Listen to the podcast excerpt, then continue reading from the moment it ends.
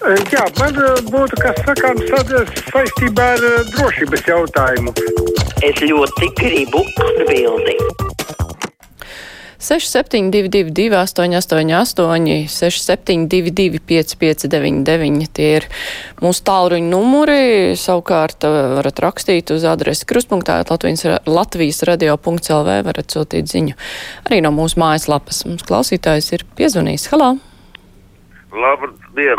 Labdien. Vakar Aidis Tomsons man stāstīja, ka mēs būtu dažādas ģimenes, un es teicu, aizdomas, ka arī es nedzīvoju īsti tradicionālā ģimenē. Redzat, cilvēki tiešām dažādos apstākļos dzīvo, bet ja, piemēram, man būtu kaut kāda dāma ar mani kopā dzīvotu, kurai būtu bērns ne no manis, tad man prātā nenāktu man prasīt kaut kādu pabalstu, ja es šā bērna radīšanā neesmu pielicis savu roku, un tā tas ir ar šīm te Lūk, lesbietēm, kas dzīvo kopā, nu skaidrs, ka viena no tām taču nav pielikuši roku šī bērna radīšanā. Tad kāds viņai pamats prasīt ir kaut kādu pabalstu. Tas viss ir neloģiski un tas vienkārši mēģina legalizēt homoseksuālismu kā tādu. Un pret to būtu jācīnās un jāprotestē. Tīpaši mūsu nacionālajai apvienībai, kura tā it kā aizstāv tradicionālās vērtības, bet tai pašā laikā viņa atrodas valdībā, kurā jau daudzus gadus ārlietu ministrs ir pederas. Nu, Mm -hmm.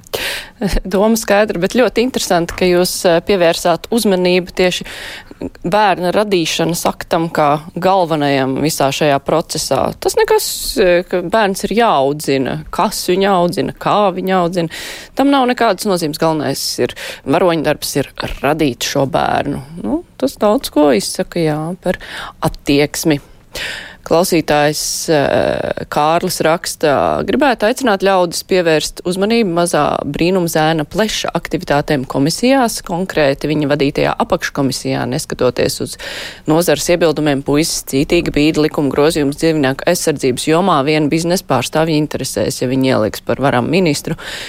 Brīnumi tikai sāksies, jo tik korumpētu jaunēkli mūsu vara vēl nav redzējusi. Nu, korumpēts, nekorumpēts, to tā nevar pateikt, eh, bet eh, jā, par to dzīvnieku aizsardzības likumu ir arī citi cilvēki norādījuši. Tā Gunārs raksta, Aivārs no Daugavpils nesaprot, ka ne jau bērnu radīšana ir pamats saņemt pabalstu, bet audzināšana, un jums, Vārs kundze, ir taisnība. Jā, paldies, Kunti, par atbalstu. Jā, tas jau būtu skaisti, ja varētu radīt bērnu un saņemt tik pabalstu. Es domāju, ka būtu daļa cilvēku, kas ar to vien nodarbotos, un pēc tam neko nedarīt bērnu audzināšanā. Tā Rebeka vaicā, vai kāds var izskaidrot, kā tas nāks, ka iekšliet ministrs Dzirģens tā vietā, lai iespringtu par problēmām iekšliet nozarē, šobrīd tēlo baigo menedžeru un tieks ar skaistumu kopšanas nozars ļaudīm, solot viņiem to, ko viņš pēc būtības nevar. Vai tas neliecina par muļķību un populismu? Manuprāt, KPV klātbūtne valdībā ir milzīgākā kļūda visā valsts vēsturē. Muļķi tikuši pie varas šausmas. Nu, iekšliet ministrs arī pauž viedokli par to, vajag vai nevajag mācīties attālināti, bet nu, otras puses lēmums lēmumus valdībā pieņem visi, un tāpēc uh, ir vēlams, lai katrs ministrs arī iedziļinās jautājumos, par ko balso, nevis tikai akli uzticas tam, ko viņam saka. Tā kā varbūt iekšēt ministrs tieši grib iedziļināties. Klausītājs Vana, halā! Labdien! Labdien! Nu, es atbalstu kopdzīves likumu, kas nodrošinātu līdzīgas tiesības un pienākumus tādas pašas kā laulātiem.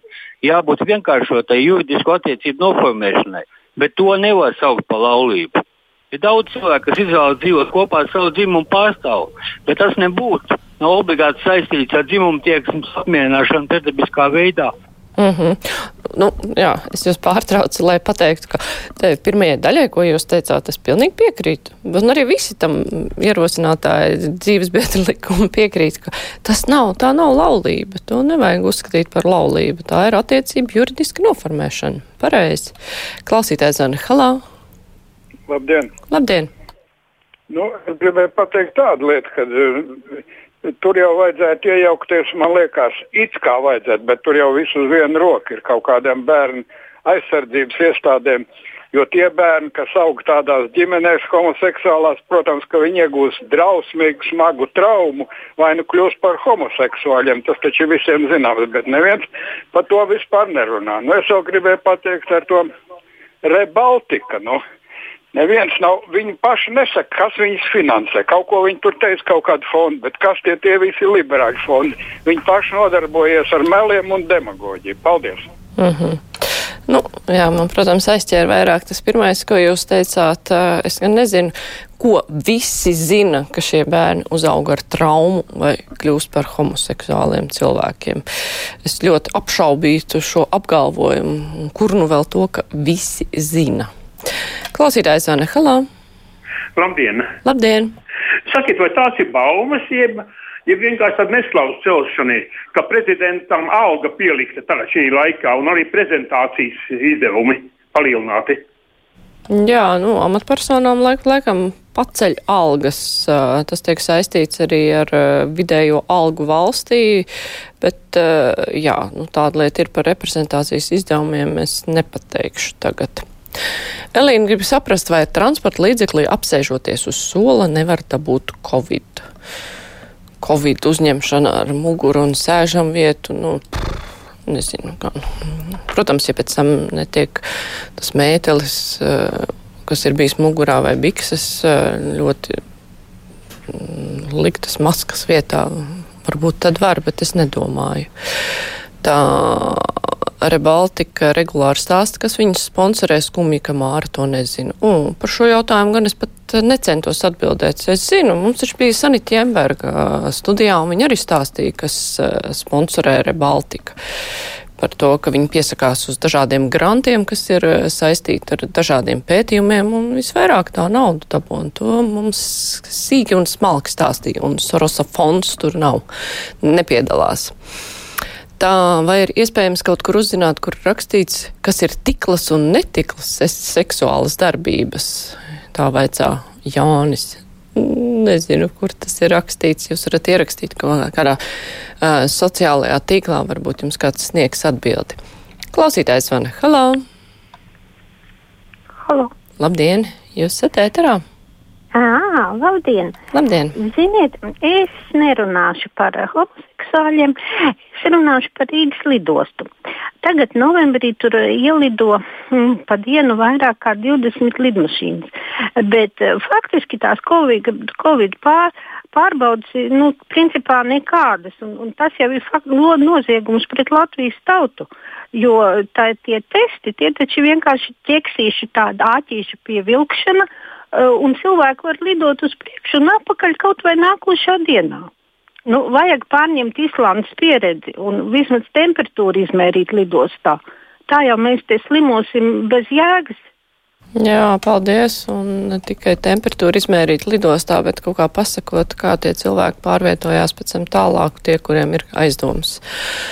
Agnes raksta, ko izsaka statistika, cik inficējušies maisaimniecībās. Ir skaidrs, ka taču kāds to vīrusu no kaut kurienes ir atnesis. Ja bērns inficējas skolā, tad inficē vecāks brāli, vecmāmiņa, tad sanāk izglītības iestādē inficējas viens, bet maisaimniecībā četri. Jā, mēs ar kolēģiem arī par to runājām. Tad, nu, pat pirms raidījuma, ka tajā statistikā visu laiku iekšā liek maisaimniecības, bet, nu, protams, jā, maisaimniecībā tā kā saplūst eh, visi inficēšanās, visas vietas citur, jo, nu, cilvēkiem ir kaut kur jādzīvo, kamēr ir vietas, uz kuriem viņi teorētiski tomēr varētu arī neiet. Klausītājs Vana, halo! Labdien! Labdien! Sakiet, ko pilnīgi man trūks vārdu, ka noklausās, kas notiek šitās te mūsu vadot, vadīja pie varas cilvēku un teica, ka vecie kom, mo, mo, nu, komunisti. Bet tagad visi jaunie. Klausieties, kad nāks pie varas Ulmans, kas tiešām uztaisīs apvērsumu, lai visu šo vārzu nomest no varas, no tiem krēsliem, uz kuriem viņi sēž. Jo viņi tik tiešām tikai par sevi domā, nevis par tautu. Jūs man dzirdat? Jā, es dzirdu. Paldies par zvanu, bet ja jūs domājat, kā ar Ulmanu, viņš ir miris, viņš nevar vairs nākt pie varas. Tā Sanita raksta, esmu pārsmējusies, Kedroits nezina, kā bērnus rada, tur roka nav jāpieliek, bet gan kāda cita ķermeņa daļa. Kāds jautrītis, Sanita?